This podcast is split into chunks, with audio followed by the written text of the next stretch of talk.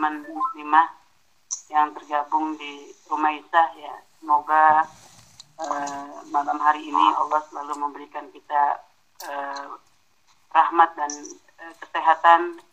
Dan alhamdulillah bismillah kita panjatkan puji syukur kita kepada Allah Subhanahu wa taala. Sampai saat ini Allah masih memberikan uh, jatah umur buat kita. Mudah-mudahan uh, nikmat uh, kesehatan yang Allah beri dan jatah umur ini bisa kita manfaatkan sebaik-baiknya untuk mempersiapkan bekal kita saat kematian menjemput kita. Salawat dan salam kita curahkan kepada junjungan kita Nabi Muhammad Sallallahu Alaihi Wasallam. Uh, teman-teman muslimah yang dirahmati Allah Subhanahu Wa Taala, tema kita kali ini membahas tentang khusyuk dalam salat ya. Kalau kita uh, kembali pada uh, mengingat kembali tentang proses Allah menciptakan kita uh, dari sejak Nabi Adam sampai saat ini uh, kita lahir ke dunia ini tidak bisa apa-apa dan tidak memiliki apa-apa. Uh, baru Allah memberikan uh, jatah kita tinggal di dunia ini agar kita bisa uh, merasakan kebahagiaan di dunia ini. Allah minta kita selama hidup untuk menjadikan uh, Al-Quran dan hadis sebagai uh, pedoman hidup kita. Uh, nanti saat Allah uh, menjemput nyawa kita, kita kembali dalam keadaan yang sama, tidak bisa apa-apa dan tidak membawa apa-apa.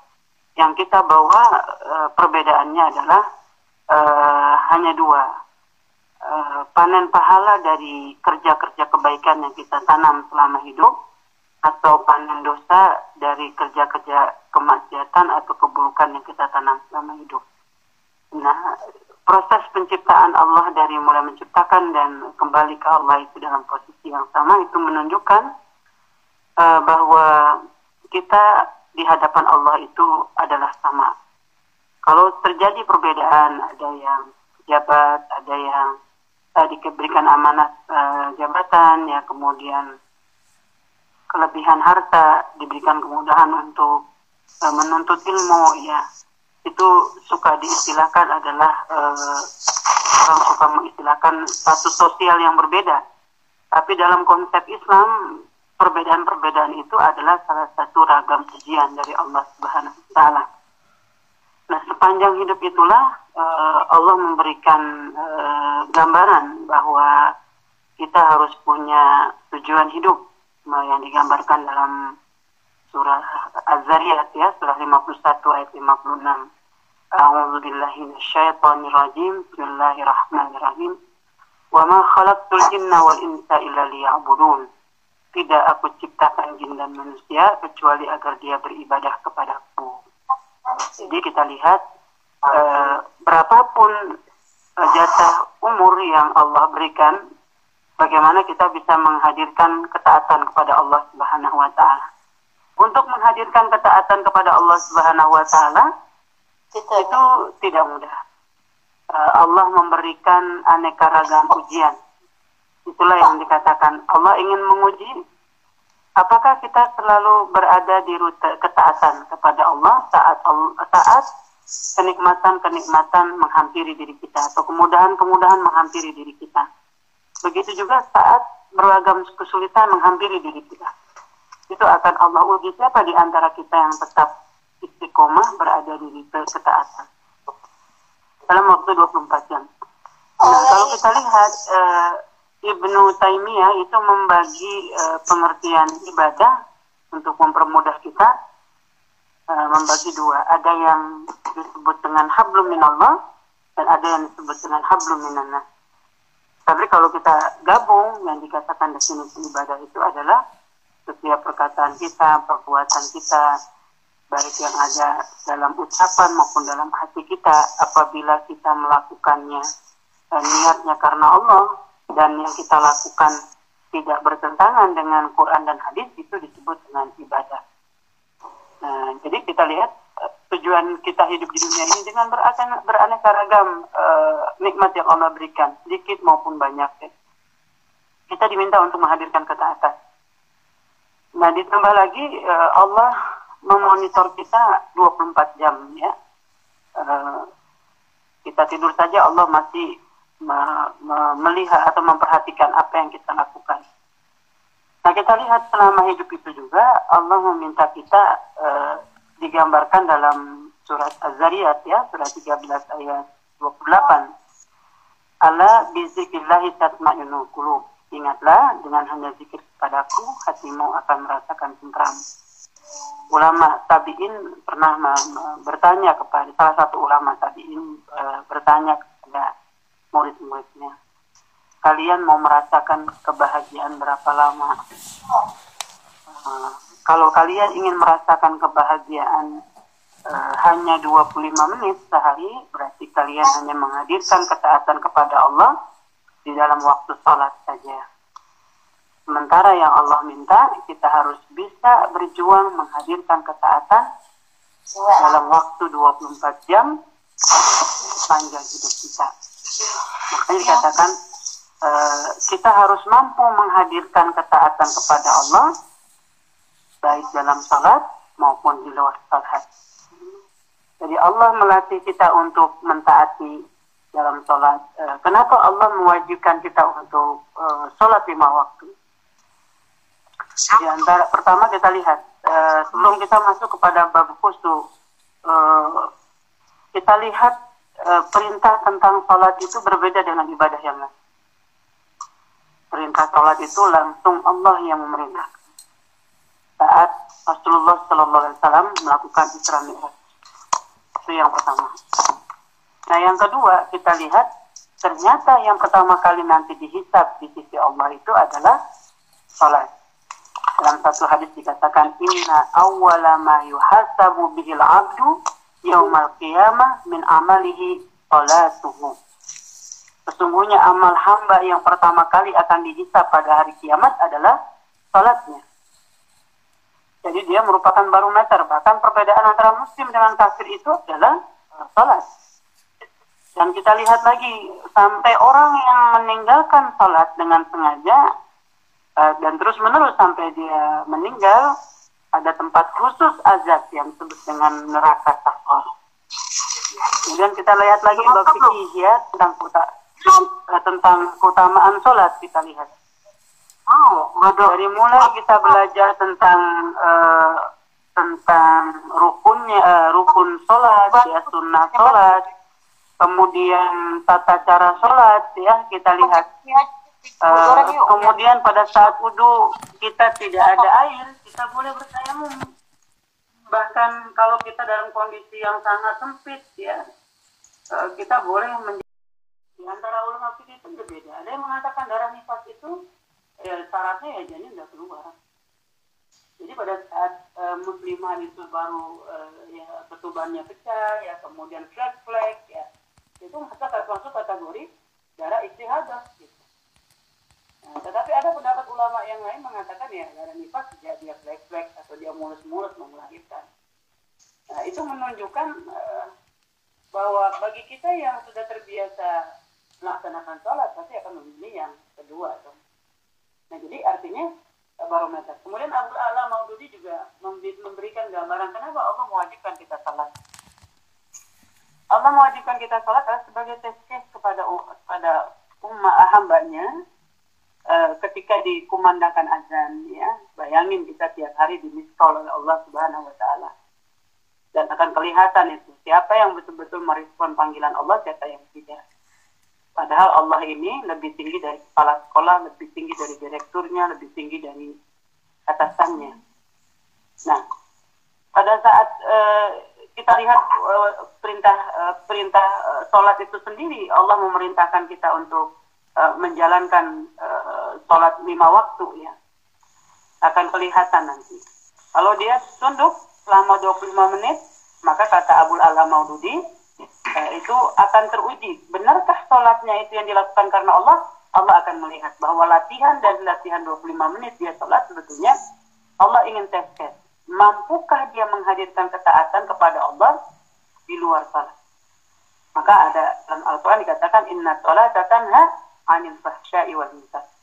Salat yang bisa mencegah perbuatan ya. Nah, jadi kita lihat itu urusan ukuran sholat adalah menjadi ukuran yang utama. Nah, karena sholat menjadi ukuran uh, menjadi barometer yang utama, maka dia harus diperhatikan semua dari bab fikih ya. Nah, bab fikih ini uh, baru satu item dari dari persyaratan dia agar bisa khusyuk gitu ya. Dan ini yang sering sering uh, masyarakat melakukan. Jadi kalau sibuk urusan uh, yang batalin wudhu apa, yang ini apa pada itu itu bagian salah satu bagian yang terpenting dari itu adalah sebetulnya sebetulnya adalah e, tujuan daripada perintah daripada sholat itu sendiri. Karena itulah teman-teman sekalian kita lihat kita harus memahami tentang e, e, khusyuk itu. Pertama kita pahami e, pengertian khusyuk itu dari sisi bahasa. E, kalau dalam bahasa Arabnya disebut dengan ikhfal, ya merendah. E, kata lain dari khusyuk itu adalah azul ya azullu tunduk. Nah, yang ketiga kata khusyuk itu adalah dari sisi bahasa asukun ya akan tenang sakina tenang ya jadi kekhusyuan itu ada ada uh, kita lihat dari sisi bahasa ada bentuk uh, sikap kita yang kita menunjukkan kepada Allah merendah ya makanya awal mula kita sholat itu Allahu Akbar dalam bahasa Arab itu kata-kata akbar adalah takdim. Siapa? Allah Maha Besar ya. Allah Maha Besar. Nah Allah Maha Besar itu maknanya adalah ketika kita sedang sholat semuanya itu udah nggak ada apa-apanya. Malah suku kui. Itu dari sisi dari dari sisi bahasa ya merendah, tunduk, tenang. Kalau dari pengertian istilah, arti khusyuk itu adalah seseorang melaksanakan sholat dengan merasakan kehadiran Allah Subhanahu wa taala yang dia merasakan kedekatannya itu kehadiran Allah itu amat dekat kepadanya. Sehingga hati dan jiwanya merasa tenang dan tentram. Coba bayangkan ya, kita lihat. Seseorang melaksanakan sholat dengan merasakan kehadiran Allah Subhanahu wa taala yang amat dekat kepadanya sehingga hati dan jiwanya merasa tenang dan tentram. Itu menurut istilah kita lihat ya uh, dan dia tidak melakukan artinya di sini kita lihat uh, ketenangan yang luar biasa. Berarti ada faktor yang paling pokok dari kita melakukan uh, kekhusyuan itu. Bukan hanya sekedar uh, ini dia apa bisa berudu dan segala macam hal. Makanya nanti kita akan akan bahas bagaimana cara kita bisa menghadirkan uh, kekhusyuan itu. Itu itu arti dari khusyuk menurut bahasa dan menurut istilah.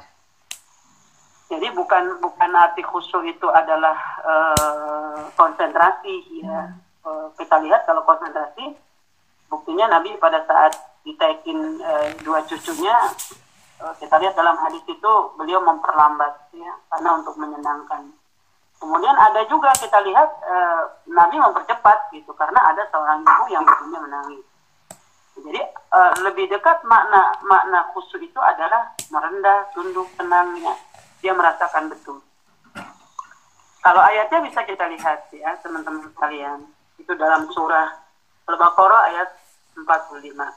Wasta'inu bis-sabri was-salah wa innaha lakabiratun illa 'alal khashi'in.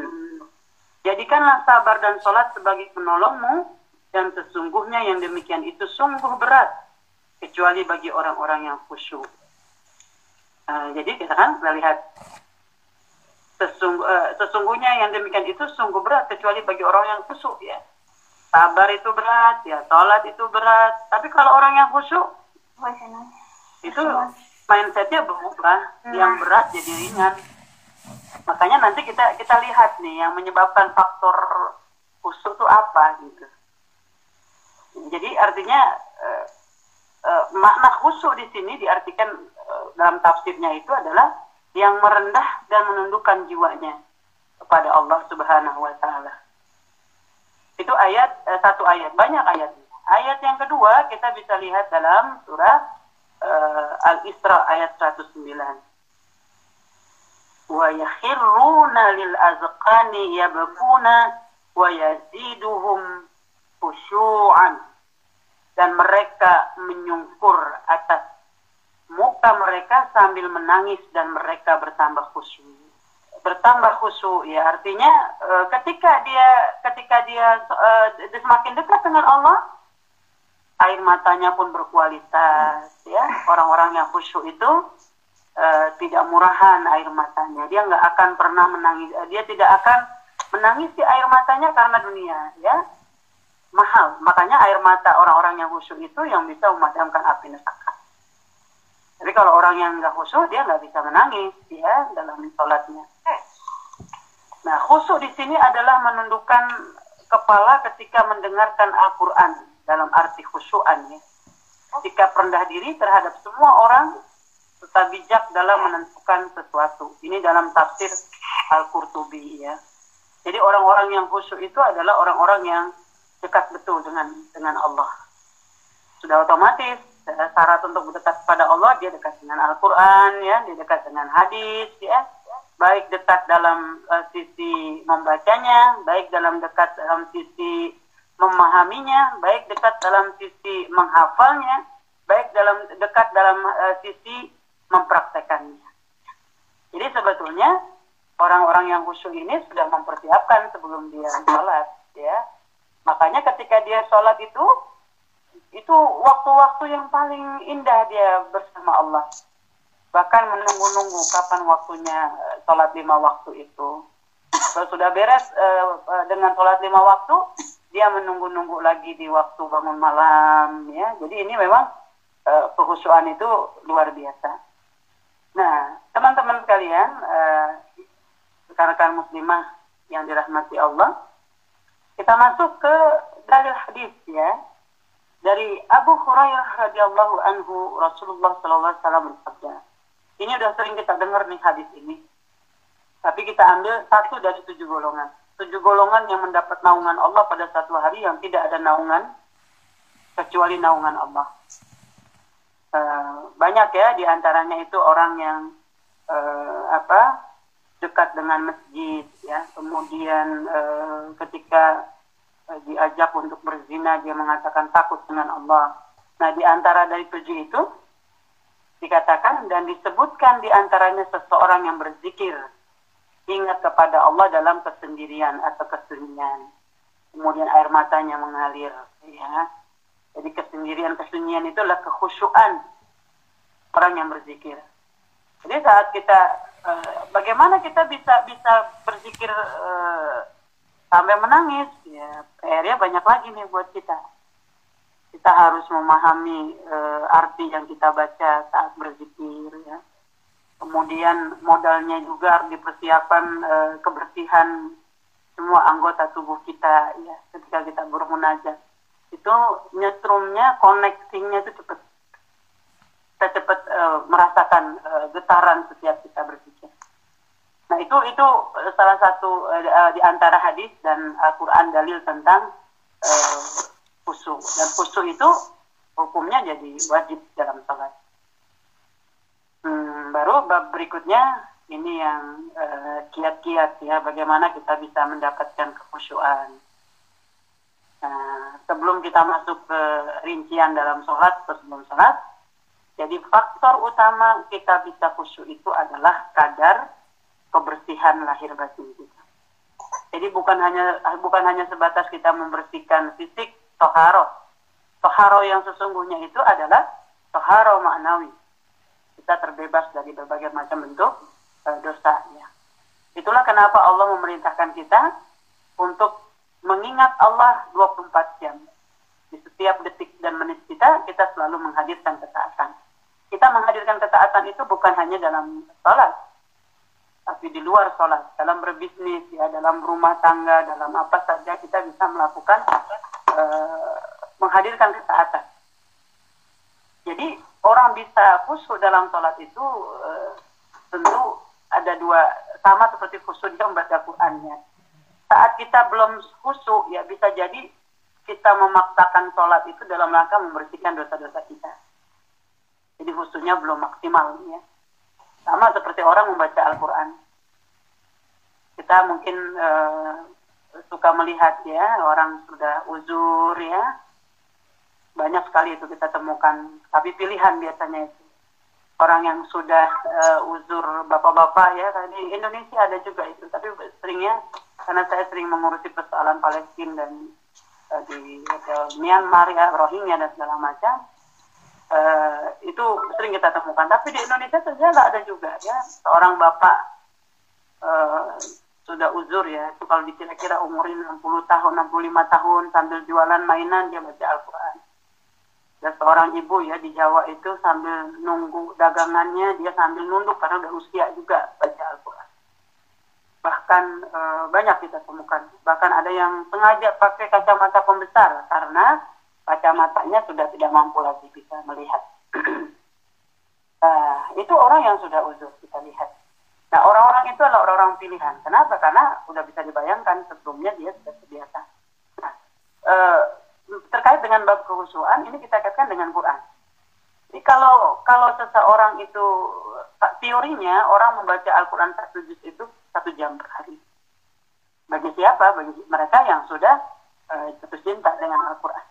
Nah bagi orang yang uh, masih banyak dosa yang membuat orang ber, uh, susah sekali membaca Al-Quran, terbata-bata, tidak tahan lama, pengen cepat selesai, dan baca satu juz itu lamanya minta ampun itu sangat terkait dengan dosa-dosa. Jadi ada dosa kita di mata ya, bisa jadi dosanya sudah stadium empat.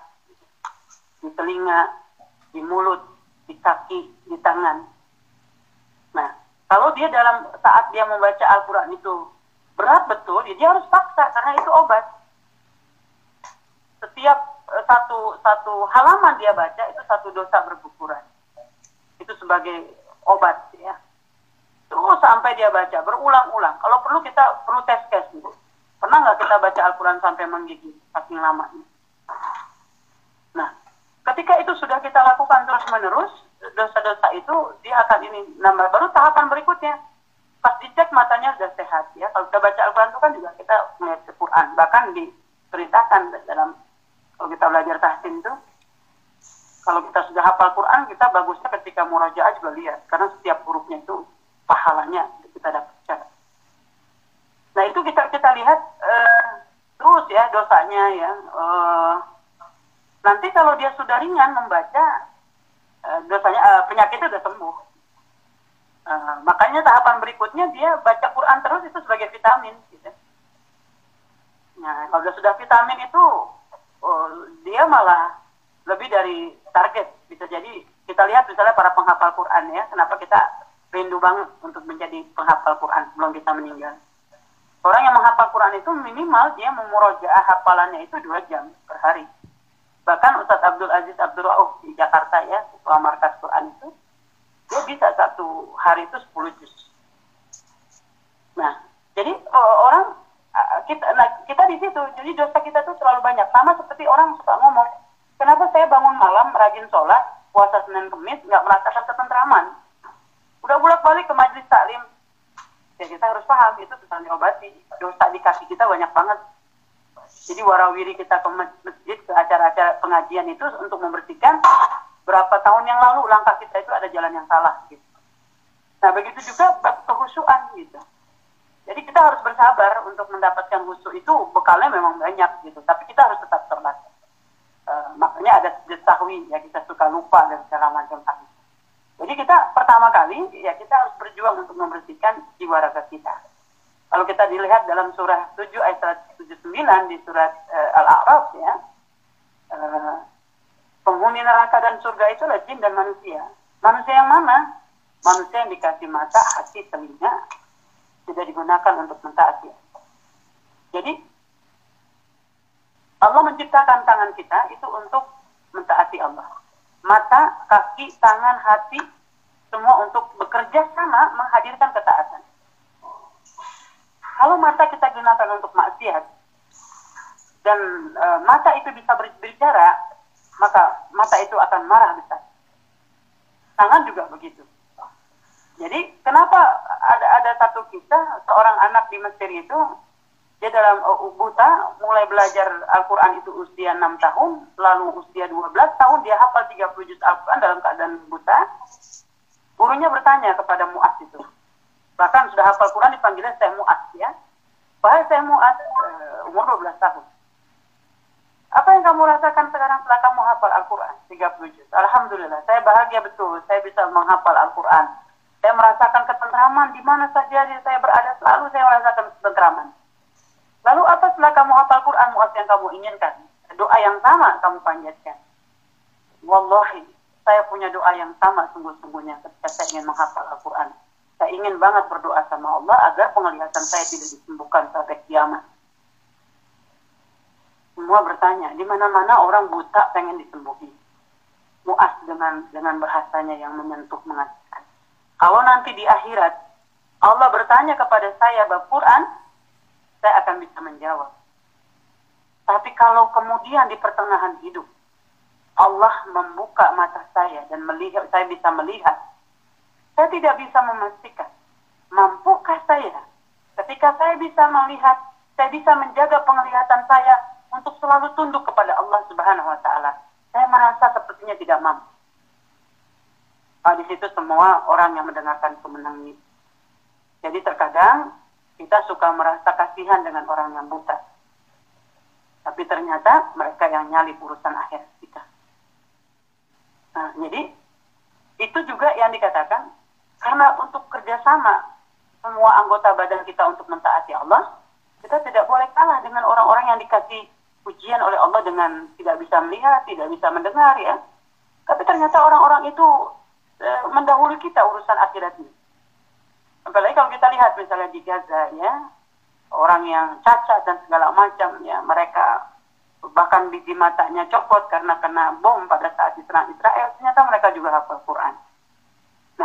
Jadi kita, kita lihat e, bagaimana supaya kesempurnaan yang Allah berikan pada diri kita itu tidak terkalah tidak disalib oleh paling tidak samaan dengan orang-orang yang dikasih buta tapi dikasih e, kemudahan untuk menghafal Quran melakukan ibadah. E, cara kita hanya yang bisa kita lakukan adalah kita harus bisa membutakan mata kita dari melihat yang maksiat. Kita harus bisa menulikan telinga kita dari mendengar yang maksiat kita harus bisa membisukan mulut kita dari berbicara yang maksiat kita harus bisa melumpuhkan tangan dan kaki kita dari bergerak yang masih. Kalau itu kita lakukan, nah berarti kita melakukan yang baik. Kita kita akan membuka mata kita untuk kebaikan. Nah dari situlah uh, Allah akan membersihkan diri kita, bersih mata, bersih hati, bersih telinga. Sudah bisa dibayangkan ini ketika dia sujud kepada Allah Subhanahu Wa Taala. Nah jadi persiapan yang paling selalu senantiasa kita hadirkan selama selama kita ini sebelum masuk di sholat terus menerus membersihkan dosa-dosa kita. Sampai dosa di mata bersih ya bahkan Allah cara membersihkan dosa-dosa kita itu bisa dengan dua cara. Bisa dengan amalan ibadah bisa dengan ujian hidup. Nah ujian hidup itu kalau kita sabar Allah bilang akan membersihkan dosa-dosa kita. Gitu ya Nah baru uh, kiat untuk khusyuk itu uh, tadi ya membersihkan toharohnya toharoh maknawi. Baru tahapan berikutnya adalah uh, ketika uh, awal mula kita melakukan uh, itu adalah uh, dengan cara membersihkan fisik ya. Itu yang disebut dengan wudhu. Makanya saya mengatakan berudu kita dengan al-fahmu, dengan pemahaman. Jadi karena urusan sholat urusan pertama menjadi urusan serius urusan sholat dari mulai bab fikihnya. Tolu kama tumuni usolli kata Nabi. Sholat langkau sebagaimana aku sholat. Jadi cara wudhu kita itu kita harus tahu mana yang rukun, mana yang mana yang sunnah, mana yang afdaliyat. Gitu. Nah, dan kita tahu keutamaan saat saat uh, mungkin uh, kemarin-kemarin kita sholat wudhu itu karena uh, orang tua kita ngajarin, sekarang enggak lagi kita lihat betapa indahnya ya. Sama dikatakan kalau kamu udu kocok-kocok tangan tiga kali, kamu akan e, setiap kocok-kocok tangan itu dosa-dosa yang terkait tangan itu akan Allah bersihkan. Kita kumur-kumur dosa terkait mulut Allah bersihkan. Hidung Allah bersihkan, muka Allah bersihkan, kaki. Bahkan dalam hadis yang sahih itu ternyata kita juga dalam membasuh kaki itu akan menjadi nanti semua di akhirat itu anggota-anggota tubuh kita yang kita udukan itu dia akan menjadi cahaya. Jadi dengan kata lain, itu tadi untuk membutakan dengan ibadah sholat itu saja, berapa banyak yang sudah kita jadikan untuk membersihkan. Itu kita yang pertama. Yang berikutnya adalah uh, sebelum wudhu, tentu kita saya lupa di awal itu adalah uh, menjawab azan. Coba bayangkan, setiap orang azan itu kita jawab. Orang azan kita jawab. Kita mendapat pahala yang sama dengan orang yang azan itu. Pertama di situ kita lihat Allahu Akbar, Allahu Akbar, kita jawab Allahu Akbar, Allahu Akbar, itu adalah zikir. Lalu dilanjutkan dengan baca doa, Allahumma rabba hazihi da'wati tamah wa salatil qa'imah. Dan seterusnya sampai selesai. Itu dikatakan orang-orang yang membaca doa ini Allah akan memberikan syafaat melalui Rasulullah Wasallam. Kita uh, membaca doa ini. Jadi banyak sekali keutamaan kita siapkan. Kita nggak akan mungkin bisa menjawab menjawab uh, azan kalau kita tidak standby dengan awal waktu. Jadi ini menjadi prioritas. Gitu. Awal waktu sholat. Awal waktu juga menjadi pelajaran buat kita. Kenapa kita sholat awal, awal, waktu? Selain kita ingin menjadi orang yang pertama merespon uh, panggilan Allah dalam sholat. Yang kedua kita akan mendapat keutamaan orang sholat, sholat awal waktu. Kalau di masjid, dia akan dapat sholat sunnah tahiyatul masjid. Qobliya ba'diyah. Itu kita lihat ya. Dan yang ketiga, kenapa kita sholat harus tepat waktu? Kita harus bisa memastikan saat Allah mencabut nyawa kita, kita dalam kondisi sudah melaksanakan sholat lima waktu. Jadi itu yang yang pertama adalah tentang wudhu. Berarti kita semua harus mengevaluasi diri. Apakah wudhu yang sudah kita lakukan itu sudah berdasarkan pemahaman? Itu yang harus kita lakukan. Dan sekarang bukunya sudah banyak, bahkan di internet dengan mudah kita lihat. Asal kita tahu kuncinya. Kalau dia uh, melalui uh, baca tentang uh, tata uh, tata cara sholat, dan segala macam, ya kita selalu menambahkan dari Quran dan hadisnya. Itu awalnya yang pertama ya. Yang berikutnya adalah mengawali dengan sholat sunnah. Ya, kalau kita di masjid, kita sholat tahiyatul masjid. Punya sekitar Kalau ter ternyata kita sudah terlanjur duduk, ya nggak apa-apa kita keluar lagi. Kan salah satu untuk membatalkan itu ya kita harus keluar lagi ke masjid sebentar masuk lagi. Qobliyah Ba'diyah. Nah, saya ingin mengatakan tentang sholat Qobliyah Ba'diyah. Jadi ini prolog juga kehusuan. Qobliyah Ba'diyah itu atau sunnah mu'akad ya kita lihat. Itu diposisikan uh, mu'akad itu adalah hampir kewajib. Kalau kita baca keutamaannya Masya Allah ya, orang yang terbiasa salat sunnah mu'akad itu uh, rawatib, dia akan dibangunkan rumah di surga. Dan kita harus melihat ketika kita sholat ba'diyah dan qobliyah zuhur misalnya, itu posisinya sama seperti kita sholat idul fitri, idul adha, sholat gerhana gitu. Orang sholat idul fitri, idul adha itu jadi spesial banget gitu. Karena memang itu ada ada keutamaan. Bahkan yang lagi head saja disunahkan untuk hadir. Nah, jadi rawatib itu kita harus membiasakan karena dia ada satu paket keutamaannya juga banyak kita temukan. Nah, yang berikutnya adalah uh, mulai yang yang berikutnya itu adalah uh, pada saat kita sudah uh, sholat dia berdiri. Nah, kita harus mengingat uh, seolah-olah kalau kata ulama itu kalau kita sedang sholat itu kita sudah mulai masukkan dalam diri kita. Pertama tadi ya, uh, sebelumnya itu juga kita mempersiapkan ya dalam surah Al-A'raf itu ayat 31 ya, uh, berpakaian baguslah kamu kalau mau ke masjid ya kalau mau sholat. Uh, ini ini juga hal yang penting. Masih yang sebelum tadi ya. Ini, nanti di, diatur aja di mana nomor satu nomor dua. Jadi uh, saya suka nyampaikan di taklim taklim. Salah satu bentuk kekhusyuan itu belajar dengan ketika saya masuk ke rumahnya saya Ahmad Yasin di Gaza ya. Beliau itu dalam kondisi cacat, hak Al-Quran ya, bahkan waktu saya temuin istri dan anak suami eh, istri dan anak-anak dan cucunya itu semuanya hafal Quran. Ada yang menyentuh hati saya ketika saya ke kamar beliau. Nah, beliau sudah sudah meninggal. Itu tidak ada hiasan kecuali satu Al-Quran.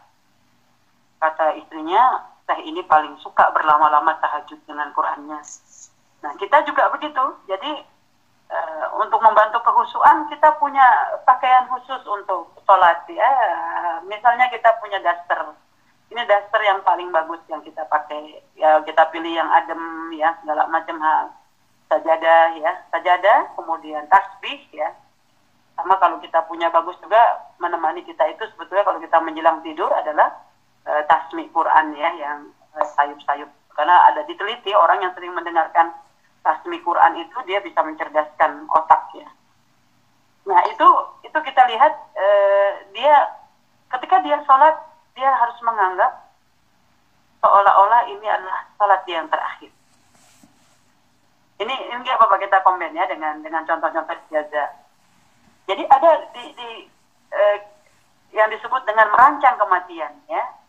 Eh, Abdullah Rantisi ya kemudian eh, sahabat Nabi ya suku Badui itu merancang kematiannya karena musim peperangan pada saat itu eh, sahabat dari suku Badui itu ikut perang sama Nabi kemudian perang yang pertama menang Nabi memberikan ghanimah kata dia ya Rasulullah Sallallahu Alaihi saya berjuang di jalan dakwah ini bukan karena uh, harta, tapi karena saya merindukan mati syahid dengan cara tombak menembus leher saya. Nah, ternyata rancangannya itu adalah uh, kejadian sama, seperti dengan Rantisi juga, saya Rantisi. Dibom oleh Israel menggunakan pesawat APC. Sama seperti itu juga. Nah, bagi kita adalah uh, apa yang sudah kita rancang tengah matian kita. Husnul khotimah, itu minimal. Dan cara untuk husnul khotimah caranya dua. Uh, hablum minallah kita harus biru, nilainya, rapotnya. Hablum minanas kita juga harus biru nilainya. Makanya saya pulang dari Gaza dan sampai saat ini, saya selalu yang saya minta panjatkan doa adalah perpanjang jatah umur. Karena jujur saja, kalau Allah cabut nyawa saya sekarang atau kita sekarang, jujur kita belum siap. Masih banyak banget rapot-rapot merah yang harus kita biruin Inilah yang saya katakan mensyukuri iman. Setiap tarikan nafas kita, kita harus punya manfaat akhirat. Nah, kalau kalau ini adalah latihan kehusuan, uh, kita membayangkan kalau kata ulama ini kita beberapa beberapa saya baca itu sama intinya. Seolah-olah kita sholat yang terakhir. Karena kita akan berpisah, maka kita akan maksimal. Sampai lagi berpisahnya bertemu Allah. Gitu. Saya malah memperluas yang lain. Gitu. Nah, karena kita tidak pernah tahu kapan Allah mencabut nyawa kita, nggak pernah tahu. Tapi yang yang harus kita pahami, siapa pun yang tua, lebih tua dari kita, lebih muda dari kita, kita posisinya sama sekarang ini. Kita semua pada posisi sedang antri menunggu panggilan Allah. Cuma kita tidak tahu di nomor urut berapa. Nah, karena kita tidak tahu di nomor urut berapa, ya kita harus siap persiapannya dengan cara zikrul maut. Zikrul maut yang paling mudah menyentuh diri kita adalah seperti yang digambarkan eh, khusus ini. Kita harus menganggap bahwa seakan-akan setiap hari kita adalah hari terakhir. Sama seperti orang mau menghadirkan kehusuan dalam sholat tadi. Setiap dia sholat, saya menganggap bahwa ini adalah sholat dia yang terakhir. Kalau saya menganggap bahwa setiap hari ada, saya adalah hari terakhir, maka kalau saya menemukan sesuatu yang mengecewakan saya, saya akan gunakan baju sabar. Kalau saya menemukan anak saya rewel yang minta ampun, waduh memancing saya untuk marah. Saya akan bertahan, nggak akan marah karena saya sudah beranggapan jangan-jangan saya terakhir ketemu anak saya ini. Gitu. Nah jadi e, mengingat e, mati ketika sedang sholat itu adalah e, sudah di depan mata ya.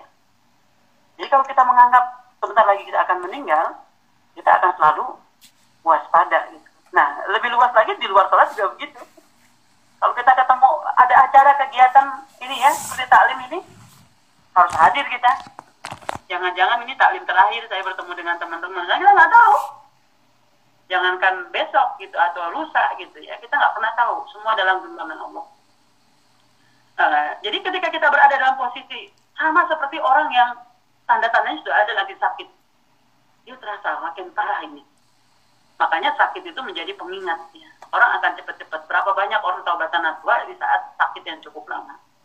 Nah yang kedua, eh, menghayati apa yang dibaca. Berarti eh, kita tadi bab pertama ya, berarti kita semua muslimah ini harus ngecek kembali tata cara wudhu kita. Eh, hadis-hadisnya dibaca keutamaannya. Kenapa sih kita harus baca Rabbah Hazi, baca sama, kemudian baca selesai uh, wudhu, segala macam menghayati apa yang dibaca. Idealnya, setiap yang kita baca, kita memahami. Berarti kan harus kursus bahasa Arab. tentu nggak mungkin kita lakukan. Yang dimaksud ada pendapat yang lain mengatakan menghayati. Apa yang dibaca itu adalah kita mau baca Al-Fatihah. Sebelum kita baca Al-Fatihah, kita harus tahu dulu dong. Minimal terjemahan daripada Al-Fatihah itu yang paling bagus memahami kandungan isi surat Al-Fatihah itu. Nah, ketika kita baca Al-Fatihah, kita sudah membayangkan Allah Maha Suci, iya karena budu, iya karena stain. Ya. Jadi tidak harus kita memahami setiap huruf harus diartikan kandungan. Isi kandungan Al-Fatihah itu apa. Kita masuk baca surat Al-Ikhlas, baca dulu kandungannya. Ini mirip banget ketika teman-teman kita semua mau menghafal Quran. Itu salah satu anjurannya, supaya kita mudah ingat dengan apa yang kita baca, baca tafsirnya. Sholat juga begitu. Makanya kalau hati kita sudah bersih, jiwa raga kita sudah bersih, kita memahami isinya, wah itu udah connecting banget kita untuk mengalir air mata kita. Sekali lagi kita ingat banyak dosa-dosa yang kita lakukan kepada Allah. Kita minta ampun ya di situ. Jadi menghayati apa yang dibaca. Yang berikutnya adalah membaca dengan tartil. Uh, jadi kita akan bisa membaca dengan tartil kalau kita sudah jatuh cinta dengan Al-Quran. Nah, cara untuk bisa jatuh cinta dengan Al-Quran, kita harus berjuang. Belajar tahsin. Nanti akan kenikmatan sendiri. Karena salah satu menjaga hafalan itu dalam sholat. Apalagi kalau kita baca Al-Ma'arij, ya, kita udah kebayang itu. Bagaimana dahsyatnya azab kiamat. Jadi, tahsil. Berarti kan dari sholat khusus ini sayapnya banyak. Yang berikutnya adalah eh, kita diminta juga untuk meletakkan sutra ya sutra itu tabir jadi tabir itu salah satu godaan setan itu adalah uh, kalau kita lost kalau sholat itu jadi harus ada kalau kata Nabi itu tiga uh, dari tangan tersiku ya ya seperti sejadah lah bisa juga atau ada batasan di depan itu melihat ke sujud sudah pasti ya kita udah dari awal sudah melangkah itu nah baru yang berikutnya nih yang harus perhatikan menghindari sholat suhu yang sangat tinggi, panas banget atau dingin banget. Berarti kalau dingin banget dia harus pakai pakai eh, apa uh, baju dingin. Dekat makanan yang dia dia sukai ya itu juga mengganggu. Berarti ada tempat-tempat khusus yang kita makanya kalau kita punya ruangan walaupun kecil itu ada tempat space yang khusus buat kita sholat. Di situ sudah lengkap di situ. Dan itu salah satu bukti tempat bahwa kita tempat tujuh. Kemudian uh, dalam kondisi ngantuk itu tidak tidak bagus sholat Makanya kita kalau kita mau bangun malam tidur lebih awal. Itu bangunnya kita jadi sepertiga malam. Paling waktu yang paling bagus. Uh, itu itu mungkin beberapa beberapa hal yang perlu kita ini kan. Uh, yang yang tambah satu lagi adalah tumak nina ini penting. Jadi tumak nina itu adalah uh, bagaimana dia bisa melakukan ibadah itu dengan uh, khusyuk ya tenang. Sampai dikatakan kata Nabi janganlah engkau menjadi uh, pencuri uh, dalam sholat ya. Semua bertanya para sahabat pencuri dalam sholat itu apa? Pencuri dalam sholat itu adalah orang sholatnya tergesa-gesa bisa kembali. Jadi tumak nina itu bagian. Jadi kalau kita misalnya Allahu Akbar sujud segala macam itu pada posisi yang sesuai, nggak tergesa-gesa, minimal tiga dan segala macam hal. Ini mungkin uh, beberapa pembahasan tentang uh, salat khusus uh, mudah-mudahan bermanfaat. Bila taufiq hidayah. Assalamualaikum warahmatullahi wabarakatuh. Waalaikumsalam warahmatullahi wabarakatuh. Baik itu tadi materi tentang salat khusyuk ya, kita kan bagaimana sih cara khusyuk dalam salat yang disampaikan oleh Ustazah Nurjana.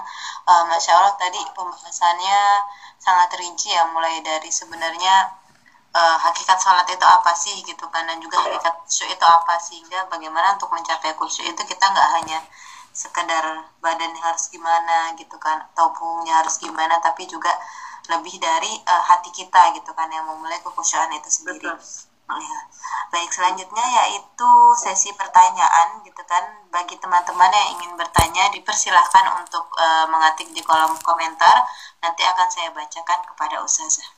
Baik, ini ada pertanyaan dari Mbak Hana, Ustazah. Jadi apa yang iya, dimaksud ya, celaka bagi orang yang sholat di surat Al-Ma'un ya Ustazah? Maksud apa itu? Sholat yang... Ya, di surat Al-Ma'un kan ada uh, apa namanya ayat tentang celaka bagi orang yang sholat gitu kan. Nah itu yang dimaksud apa Ustaz? Seperti itu. Sholat yang eh, sebentar saya Mbak uh, tas Quran mana ya di, di terjemahan? Al itu isinya apa? Coba coba di Oh iya, saya bacakan ya artinya. Jadi untuk yang boleh boleh. ayat pertama itu kan celakalah bagi orang yang sholat. Oh iya. Jadi uh, lil musallin ya. Iya. Artinya kalau kita lihat ininya kan pertama itu tentang uh, yatim ya kalau nggak salah ya. Di antaranya itu tentang uh, surat tentang yatim al-maun mbak. saya bacakan ya Ustazah artinya. Boleh boleh dari awal coba dari awal. Tahukah kamu orang yang mendustakan agama, maka itulah orang yang menghentik anak yatim dan tidak mendorong memberi makan orang miskin. Maka celakalah orang yang sholat, yaitu orang-orang yang lalai terhadap sholatnya, yang berbuat ria dan enggan memberikan bantuan. Jadi yang dikatakan uh, wailul musallin itu adalah kan ada langsung jawabannya alladzina hum an salatihim sahun ya. Yang lalai itu adalah ya tadi itu yang kita lihat dia uh, menganggap uh, sholat itu tahapannya kan hanya sebagai stempel gitu dia sebagai seorang muslim.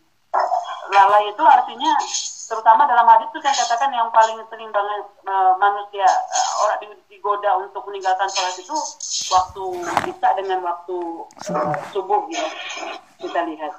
Dari bahasa ini sudah kita ketahui bahwa orang yang lalai ya orang yang uh, seperti misalnya apa ya kalau kita lihat itu dia nggak nggak ini nggak menjadikan sholat sebagai prioritas.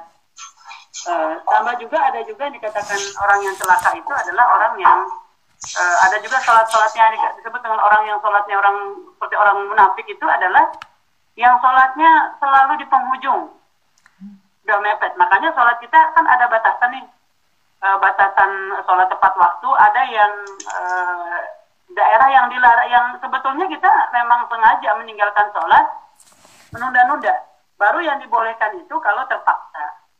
Kita ngejar waktu bahkan dalam bab tayamum itu kalau di Jakarta itu macet banget, dia udah nyampe rumah e, eh, 15 menit lagi mau maghrib atau 10 menit lagi mau maghrib atau e, eh, 7 menit lagi mau maghrib.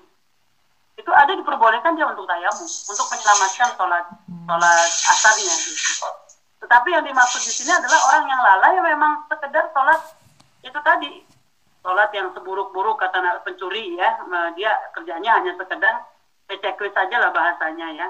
Udah amburadul semua dari mulai fikihnya ya sholat udunya berantakan, bacaannya berantakan ya. Di lapangan saya sering banget nemuin ya kalau saya mampir ke masjid-masjid itu uh, itu sholatnya luar biasa parahnya. Saya nggak tahu dia kapan baca al-fatihahnya. Melalaikan dalam makna dia ngerjain sekedar asal-asalan atau melalaikan hanya beberapa sholat yang dia kerjakan atau sama sekali dia tidak mengerjakan sholat. Gitu maknanya. Jadi orang yang betul-betul meninggalkan ya. Di sini kan dikatakan alladzina hum an salatihim sahun ya, yang melalaikan. Nah, maka disejajarkan dengan eh, orang-orang uh, yang sama juga yang menghardik anak yatim ya dan segala macam hal itu. Begitu Mbak. Tapi mungkin perlu dikaji lagi ini uh, tafsirnya ya. Ya, iya baik. Uh, Bahana hmm. seperti itu ya jawaban dari Ustazah. Hmm. Baik, saya lanjut ke pertanyaan selanjutnya ya. Ini ada pertanyaan dari Mbak Bella dan Mbak Uci. Ini pertanyaannya sama, jadi saya gabungin ya. Jadi, uh, Ustazah, apakah boleh di-share tips sholat agar tetap khusyuk saat memiliki anak kecil gitu kan? Dan bagaimana sih parameternya gitu kan? Parameter khusyuk, parameternya khusyuk dalam sholat jika jika istilahnya kita bareng anak kecil ya, istilah anak kecilnya di samping kita ya, seperti ya. itu. Iya. Mm Iya, uh, jadi kehusuan itu dimulai bukan dari kita punya anak kecil ya. Uh, saya saya kebetulan punya uh, anak delapan ya, cucu tiga. Dulu tuh proses uh, jarak anak saya dengan satu sampai yang lainnya itu jaraknya dekat-dekat. Berarti saya hampir sering menem, hamil bulannya itu di bulan uh, ke sembilan, bulan uh, sembilan dalam kondisi waktu itu sholat puasa dan tarawih segala macam hal. Jadi kita sebetulnya pada saat kita sudah bul bulannya mau mau melahirkan ya atau kondisi ini itu sebetulnya sudah memerlukan uh, proses pendidikan anak kita buat buat anak kita dalam janin kandungan kita. Nah berarti kan faktor khusyuk di sini berbeda. Artinya khusyuk itu kan sebetulnya letaknya di hati. ketundukan ya ketundukan dia kepada Allah Subhanahu wa taala walaupun karena sudah hamil 9 bulan saya pernah melakukan itu sudah tidak cukup berat bahkan dalam kondisi duduk gitu ya. Jadi bukan bukan pada ketundukan itu yang Allah inginkan pada saat kita sholat itu dalam kondisi sulit kita kemudian uh, tidak melakukan dosa ya. Seperti tadi semua panduan ini bisa kita lakukan. Itu dalam janin. Nah kalau dalam dalam anak dalam kondisi jadi tidak ada alasan Allah maafin ya saya nggak bisa sholat. Karena anak saya nggak ada yang jagain nangisnya histeris salah itu. Yang bagus adalah dia harus selalu membiasakan anak itu berada di tempat dia sholat. Bahkan dalam dalam hal yang lebih bagus lagi kalau ibu ini terbiasa on time ya dan anaknya selalu ada di situ.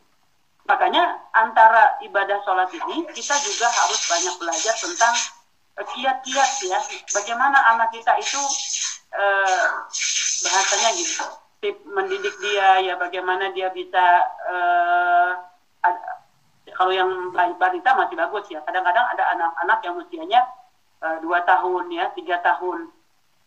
Yang teriak-teriak segala macam. Itu mungkin faktor edukasi eh, pendidikan kita terhadap terbiatul aulat kita terhadap eh, bagaimana membiasakan anak untuk uh, tidak uh, histeris ya kalau nangis segala macam hal. Kemudian membiasakan uh, ngontrol bahwa kalau dia pakai pampers pampersnya itu berapa lama dipakaikan. Karena yang membuat anak-anak itu gaduh lebih gaduh dari sekedar nangis karena tidak nyaman. Atau pastikan bahwa kalau kita sholatnya di luar uh, perut dia kenyang ya kondisi dia bersih dan segala macam hal gitu. Nah kita lihat uh, kita lihat bagaimana dia bisa melakukan uh, banyak uh, hal yang seperti itu. Nah, ketika dalam posisi maaf nih, kita nggak ada pembantu, waktunya sholat, kita udah prepare dong kalau kita mau mendatangkan kehusuan dari awal kita udah nyiapin. Berarti kalau nanti datang waktu sholat, anak kita dalam posisi sudah bersih, pempetnya sudah diganti, ya. Kemudian kita udah siapkan. Bahkan anak-anak dalam hadis eh, dalam fikih eh, keutamaan sholat berjamaah itu Eh, anak-anak kita usia dua tahun itu kan sibuk dia pakai mukena sholat sholat sholat gitu ya dia ikut sholat kita udah siapin baru saja rakaat pertama dia sudah sudah sudah bubaran gitu. Mukenanya dilepas. Itu dalam fikih kita udah dapat dapat nih full jamaah. Separuh sholat jamaah udah kita dapetin satu itu. Yang selebihnya kita sudah mendidik anak. Dia dia dekat dengan mukena ya dekat dengan sejadah gitu. Nah nanti tinggal kita situasinya. Kalau masih bayi itu kita dibolehkan. Jadi kita uh, ketika dia nangis ya kita gendong tangan kita uh, tangan kiri kita menggendong ya atau tangan kanan atau kita sambil gendong keduanya gitu tangan kita. Baca semua yang ada. Nah ketika dia kita mau ruku ya uh, kita sujud itu kita mau ruku kita coba untuk sambil peluk dia. Atau kita taruh taruh dia di, di bawah itu. Nanti nangis lagi nggak apa-apa makanya harus terbiasa dia. Uh, tetapi nanti ada adaptasi ada cara-cara tertentu kalau misalnya masih di rumah kita masih bisa bagus.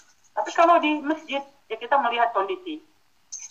Kalau kondisi anak kita ini nangis ya ada setiap kita diuji oleh anak yang autis ya yang memang punya kele, uh, penyakit yang memang Allah berikan ujian buat keluarga itu ya berarti pahala unggulan kita ngurusin anak itu dan sholat di rumah gitu.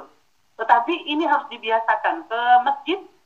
Bahkan ya kalau saya boleh mencontohkan itu anak kita yang laki-laki mungkin abinya sibuk ya dia boleh. Nanti umi anterin ya ke masjid ya. Padahal dia di situ ya belum wajib juga misalnya umur lima tahun ya ma aku udah ke masjid gitu. Dia mau pulang. Ya udah apa kita ajak pulang lagi. Kan tujuannya adalah membiasakan ada tempat-tempat yang membersihkan diri dia gitu kebiasaan. Ini kan menjadi napak tilas nanti anak-anak itu. Nah kita juga begitu. Jadi kalau menurut saya saya alhamdulillah eh, itu nggak menjadi hambatan. Bahkan kalau saya misalnya eh, dalam eh, kadang jarak antara satu dengan itu satu tahun setengah gitu ya. Jadi pembantu nggak ada. Uh, kalau sholat tarawih itu kan disebut tarawih itu sholat istirahat ya. Jadi kadang-kadang uh, dan kita boleh jeda misalnya baru dua kali salam anak kita nangis ya udah kita tidurin dulu. Nanti masuk lagi kita ngerjain. Jadi jangan jadikan sholat itu jadi beban, tapi di satu kekuatan ngurusin anak ibadah ini juga ibadah. Jadi uh, apakah itu tidak termasuk khusus-khusus dong? Kita nggak ada ngaruh karena itu bukan bagian yang dibolehkan gitu. Buktinya Nabi kita lihat dia memperlambat memperlambat uh, sujudnya karena anak-anak itu uh, cucunya di belakang. Bahkan mempercepat gitu. Ketika Nabi mempercepat uh, karena ada yang seorang ibu anaknya nangis, Nabi mempercepat. Mempercepat itu bukan tidak khusyuk. Karena ada lain yang dia lakukan. ini pentingnya al-fahmu pemahaman kita akan terjaga yang paling penting adalah ini nggak mengganggu keikhlasan kita dalam melakukan ibadah jadi situasi bangun malam juga begitu karena jujur aja setiap uh, setiap umur yang kita punya ini jangan abaikan amalan-amalan sunnah karena itu kekuatan. Dan yang paling penting dari ibadah itu semua. Karena anak kita adalah fotokopi dari orang tua kopi paste dari orang tuanya. Walaupun dia sholatnya nggak sempurna sampai belum wajib itu pelajaran yang pak sangat berarti. Jadi menurut saya barometernya itu ya seperti nabi. Nabi bahkan ya itu tadi yang paling populer di situ. Tetap dia berlama-lama. Ada dia yang mempercepat. Tapi mempercepatnya habis itu bisa misalnya anaknya sudah tertidur lagi, dia bisa backup lagi dengan amalan sunnah yang lain gitu. Jadi banyak uh, itu termasuk gambaran ke kekhusyuan. Jadi kekhusyuan bukan berarti nggak ingat apa-apa, bukan menghadirkan hati sama konsentrasi itu. Dan dan lagi yang paling penting adalah kalau selama 24 jam hidup kita selalu berada dalam ketaatan, sudah bisa dibayangkan. Yang kita ingat dalam sholat itu semuanya kebaikan. Tapi kalau kita ada maksiat, sama seperti mimpi. Kita bisa mimpi buruk karena maksiat siangnya kita lakukan. Mimpi bagus karena lalu hari-hari kita diisi dengan kebaikan. Termasuk juga kehusuan seperti itu. Seperti itu, Mbak. Oke, baik. Itu ya uh, jawaban ya. dari Ustazah Mbak Betul. Mbak Uci, dan Mbak Bella gitu kan. Uh, ini ada pertanyaan selanjutnya Ustazah dari Mbak Nazlah. Jadi Ustazah bagaimana biar istiqomah agar khusyuk dalam sholat dan on time dalam sholat? Karena beberapa saat saya bisa khusyuk tapi untuk istiqomahnya susah gitu kan. Jadi konsistennya Ustazah nah itu gimana? Iya. Ya yang yang pertama yang harus terbayang oleh kita uh, zikrul maut ya bahwa kita kita harus selalu membayangkan bahwa kapan saja Allah mencabut nyawa kita, kita dalam kondisi taat. Jadi eh, eh, Allah akan mencabut kita itu di akhir aktivitas kita. Ya, bunyi bunyi riwayat seperti itu. Jadi eh, itulah kenapa Allah merintahkan wa ma khalaqtul jinna wal insa illa liya'budun. Kita diminta oleh Allah untuk mewarnai hari-hari kita dengan ketaatan. Nah, ketaatan yang paling utama itu kan hablum minallah. Jadi harus selalu kita menjaga amalan-amalan ibadah. E, caranya bagaimana? Kalau saya sampai saat ini e, masih mencatat di buku agenda saya e, istiqomah, karena nanti akan terukur kita lagi drop keimanan kita. Misalnya saya menulis e, tepat waktu atau tidak jam berapa saya lakukan saya contreng subuh kemudian tilawah e, zikir maksurat misalnya kemudian uh, duha ya catat itu semua itu bagian juga pengukur. Dan yang harus kita munculkan adalah kita harus selalu melakukan amalan-amalan kebaikan jangankan yang wajib ya yang sunnah aja harus kita lakukan. Kenapa? Karena dosa kita masa lalu sampai sekarang tuh Allah belum belum act kalau kita belum isi. Makanya dikatakan uh, dosa kita meninggalkan sholat itu nggak bisa dikodo iringilah taubat kamu dengan amalan-amalan sunnah gitu. jadi caranya adalah uh, harus uh, banyak membaca ya bacaan-bacaan tentang ibadah-ibadah uh, salafus salih. Yang kedua tentang kematian harus selalu kita ingat bahwa Allah pasti akan uh, cepat ini. Dan yang ketiga deketin orang-orang soleh yang ibadahnya di atas kita terbiasa uh, sama. Kalau kita deketan dengan orang yang puasa Senin Kemis akan ketularan kalau kita sering berdekatan dengan orang yang ah, majlis-majlis Quran ya, sekarang ada komunitas Quran, komunitas tahsin ya, dan perhatikan orang-orang itu yang kita lihat dari sisi ibadahnya bagus. Itu biah namanya lingkungan. Kalau kalau yang lebih bagus lagi sebetulnya ya kita-kita kesolehan ya. Karena saya konten di urusan Palestina, saya banyak banget ditampar kisah-kisah kesolehan mereka ya. Maka ini menjadi inspirasi sampai sekarang gitu. Jadi banyak banyak cerita. Kemudian jangan absen dalam aktivitas kajian ya. Karena kajian itu kita menghadiri kajian itu pahalanya jauh-jauh lebih besar dibanding kita baca Al-Quran di rumah satu jam. Karena dia sudah otomatis ngobatin penyakit di mata, di hati, di telinga. Bahkan dalam hadis dikatakan siapa yang menuju um, majlis ilmu, dia sedang menuju ke surga. Jadi kalau kita sering orang ini ke tempat taklim, itu sebetulnya sedang melatih diri untuk uh, latihan untuk jalan ke surga gitu. Kemudian dalam hadis dikatakan orang yang berkumpul di tempat taklim itu dia akan dikerumuni para malaikat bahkan dicurahkan keberkahannya. Jadi tidak boleh tinggalkan ibadah harian, ibadah pekanan. Kemudian ada kajian-kajian. Selama ada waktu, kita yang membutuhkan itu. Karena setan itu menggoda kita seperti aliran darah.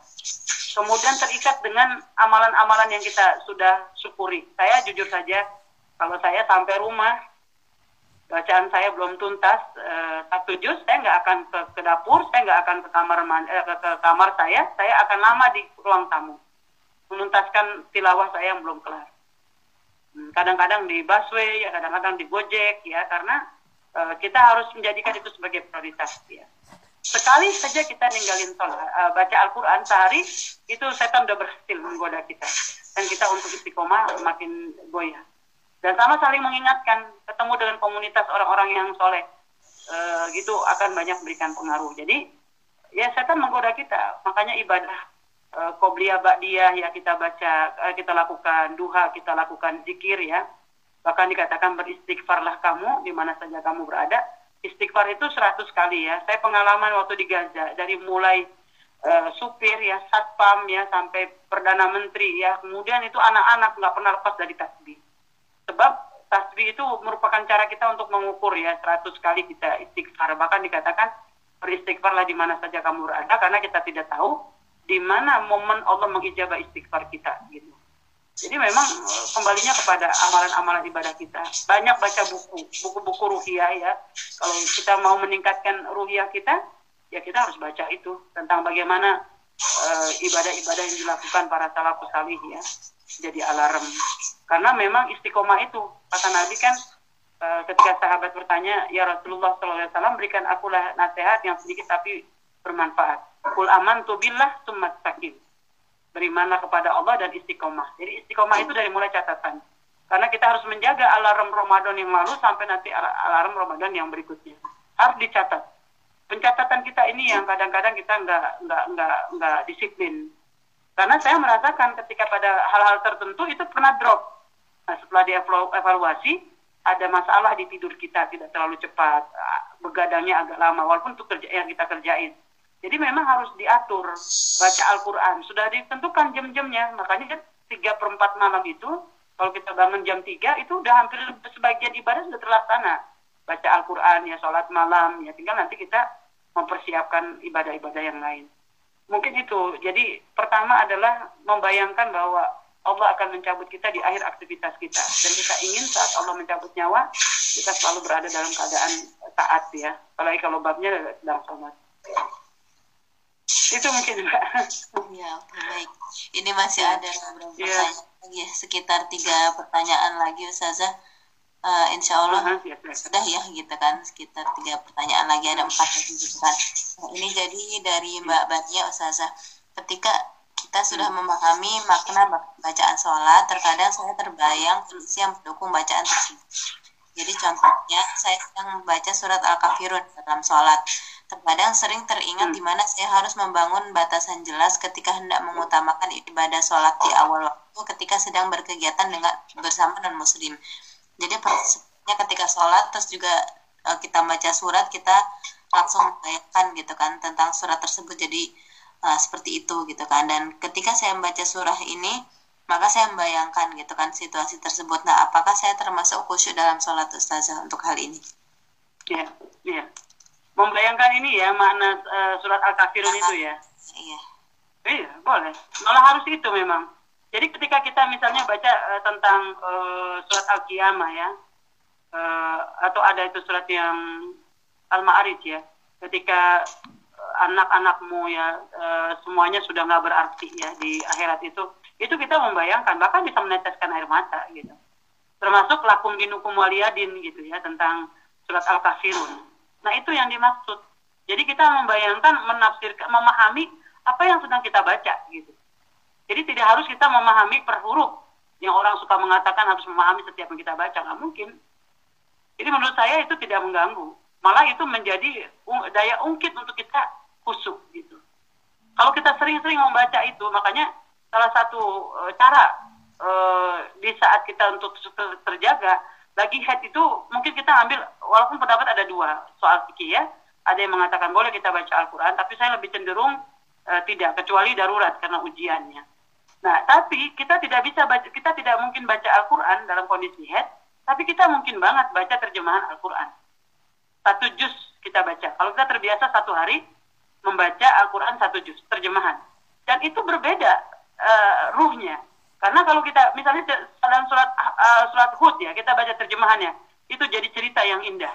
Sejak uh, Nabi Yusuf dizalimi oleh keluarganya sampai terus ceritanya beliau menjadi raja. Itu indah banget karena kita kalau kalau kita dengerin ceramah itu hanya potongan-potongan ayat gitu. Nah, jadi termasuk itu juga. Makanya kalau orang bisa sampai ingat peristiwa setiap apa yang dia baca, berarti dia sering membaca Al-Quran itu. Oh, karena saya suka tertarik banget gitu kalau melihat ayat-ayat ini itu suka merinding gitu. Makanya diulang lagi diulang lagi kita jadi menurut saya nggak apa-apa. Dia mengingatkan ini ayat ini tentang ini nih. Terus dia mengaplikasikannya oh berarti saya kalau ketemu dengan orang-orang yang non muslim harus begini. Segala lakum dinukum aliyadin misalnya bab perempuan yang berkerudung dia tidak boleh kan terbuka auratnya di depan perempuan non muslim misalnya. Itu terbayang lakum dinukum aliyadin tetapi hubungan kemanusiaan tetap ada. gitu jadi dibolehkan. Itu kalau kalau itu yang yang yang bertanya maksudnya seperti itu. Jadi nggak apa-apa. Yang nggak keluar dari konteks kan bagian itu tafsir ya. Baik, seperti itu ya Mbak Bania jawabannya. Uh, terus ini ada pertanyaan lagi dari Mbak Dia. Ustazah, bagaimana pendapat Ustazah dengan kita yang berusaha mengajarkan anak ke masjid tapi diprotes tetangga karena beliau merasa gagal khusyuk karena anak kita mungkin berisik atau bolak-balik. Nah, itu bagaimana? Ustazah? Iya, jadi begini, uh, sama itu seperti di Indonesia ya.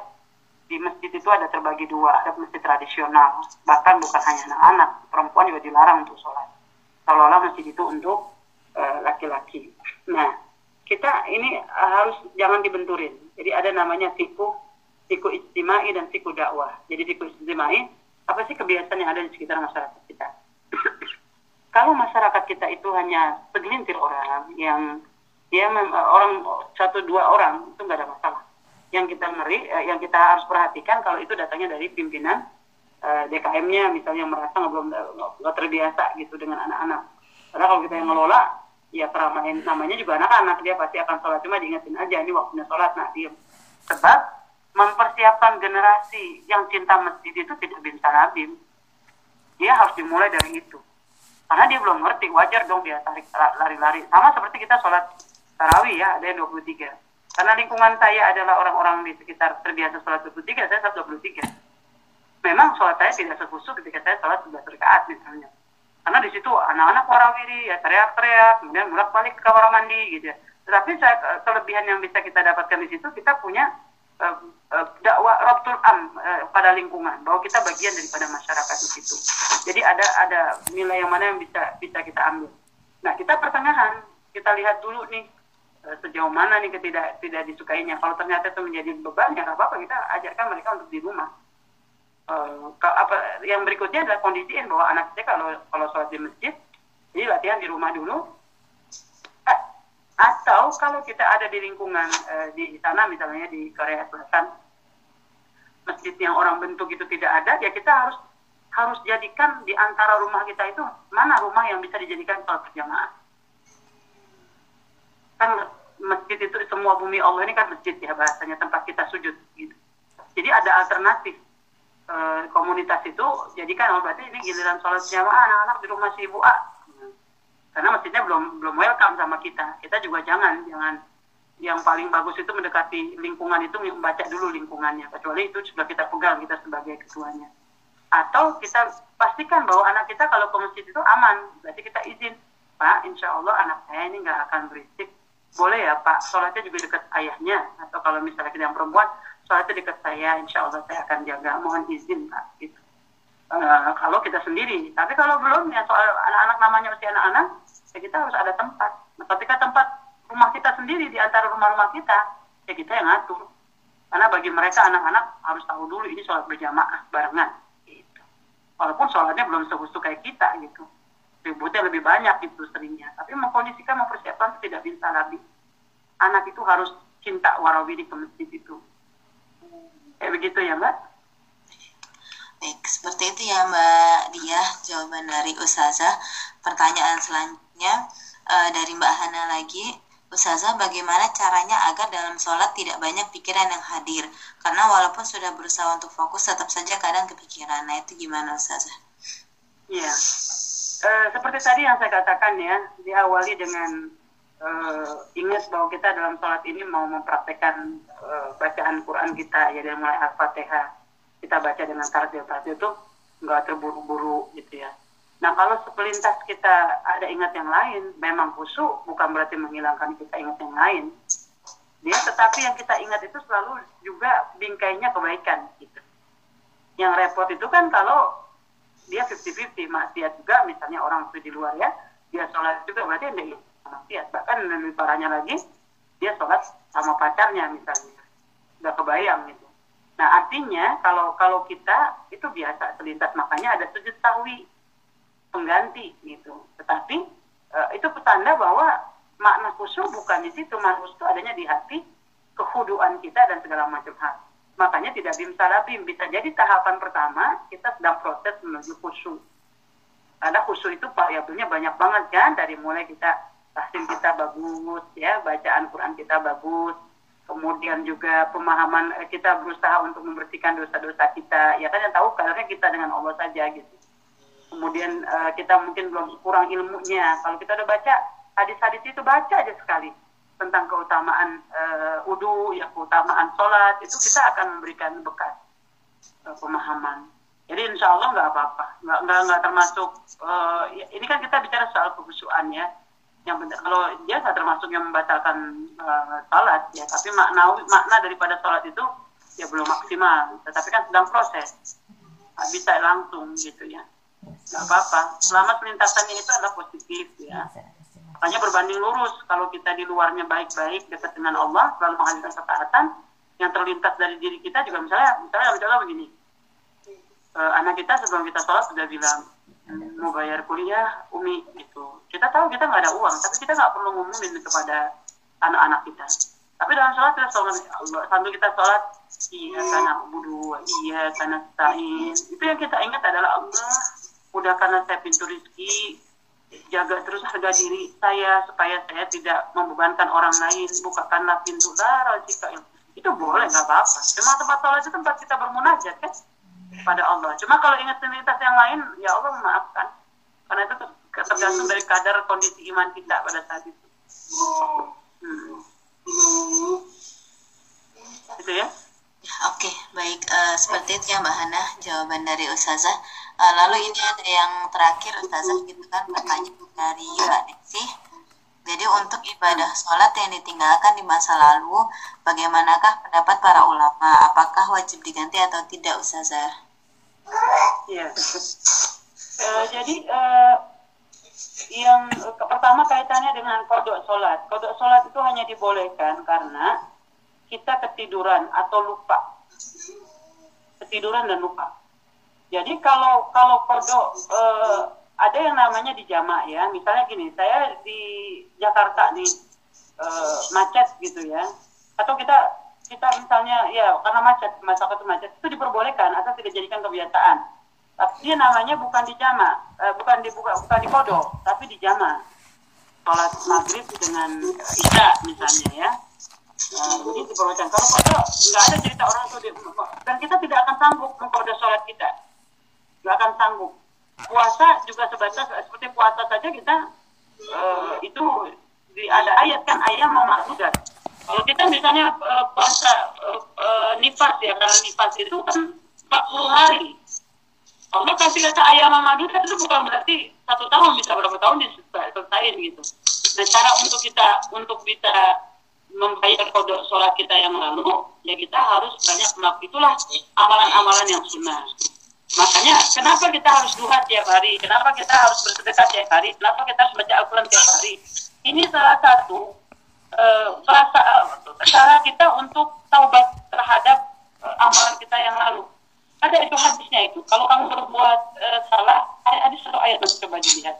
Uh, iringilah dengan amal-amal kebaikan gitu. Jadi amalan sunnah yang di hadis kalau nggak salah kalau kita sudah tahu gitu nah kalau misalnya sama seperti zakat kan zakat dulu kita maafkan kita nggak mengeluarkan zakat gitu. Nah ujung-ujungnya kan Allah juga memahami. Ya, bahkan kita lupa mungkin mana yang bisa zakat mana belum. Kebanyakan bersedekah gitu. Sama puasa gitu. Kita makan sama bayar pada puasa kita masa gadis dulu. Itulah kenapa kita puasa Senin Kemis. Hmm. Kenapa kita puasa ayam murbit? Kenapa kita puasa Nabi Daud? Mudah-mudahan sambil kita berdoa sama Allah, puasa-puasa kita ini bisa menutupi dosa puasa yang kita tinggalkan dulu gitu. Yang paling mahal itu adalah hidayah hidayah untuk kembali gitu. Bertaubat dapat hidayah saja bahagia Allah aja bahagia gitu. Seperti senang banget Bapak Rahim itu ya Allah berikan. Jadi amalan sunnah gitu ya. Kalau dulu misalnya dalam tanda kutip nih ya kita maksiat melalaikan tugas kita sebagai seorang ibu ya. Karena kita hidayah belum dapat gitu. Ya kita kembaliannya dengan cara menyayangi cucunya uh, cucunya yang disayangi ya. Kemudian apa yang bisa dia berikan. Allah itu gafur rahim banget gitu. Amal ibadah. Dan kita menghentikan semua maksiat-maksiat karena yang lama saja bisa kita proses dibersihkan gitu ya dengan membirukan lah bahasanya lebih baik kita kami dia ya begitu mbak. Ya baik itu ya jawabannya mbak yeah. dari Ustazah gitu kan Masya Allah hari ini uh, banyak pertanyaannya gitu kan karena memang materi Ustazah yang luar biasa sehingga uh, banyak dari teman-teman yang bertanya gitu kan sehingga uh, untuk malam ini kita lebih dinamis ya seperti itu jadi karena amin, amin. sudah cukup malam juga di sini gitu kan dan juga ustazah ya. sudah hampir satu jam lebih ya istilahnya uh, materi ya, pertanyaan. Maka untuk MTC hari ini kita sudahi terlebih dahulu gitu kan. Uh, sebelumnya hmm. saya ucapkan terima kasih kepada Ustazah Nurjana yang sudah Hmm, sedia yang menyempatkan gitu kan mengisi mengisi materi di MTC Rumaisa Insya Allah kapan-kapan bisa diundang lagi ya Ustazah ya untuk ngisi ya? Baik baik baik. Ya, ya Insya Allah ya semoga ini memang jadi uh, jembatan silaturahim kita ya meskipun jauh gitu kan bisa jadi ke depannya ya, kita bisa diberikan kesempatan diizinkan oleh Allah untuk uh, bertemu langsung seperti itu uh, baik uh, kita akhiri acara kita pada hari ini dengan mengucap lafaz hamdalah. Alhamdulillah. Dan juga doa kafaratul majlis.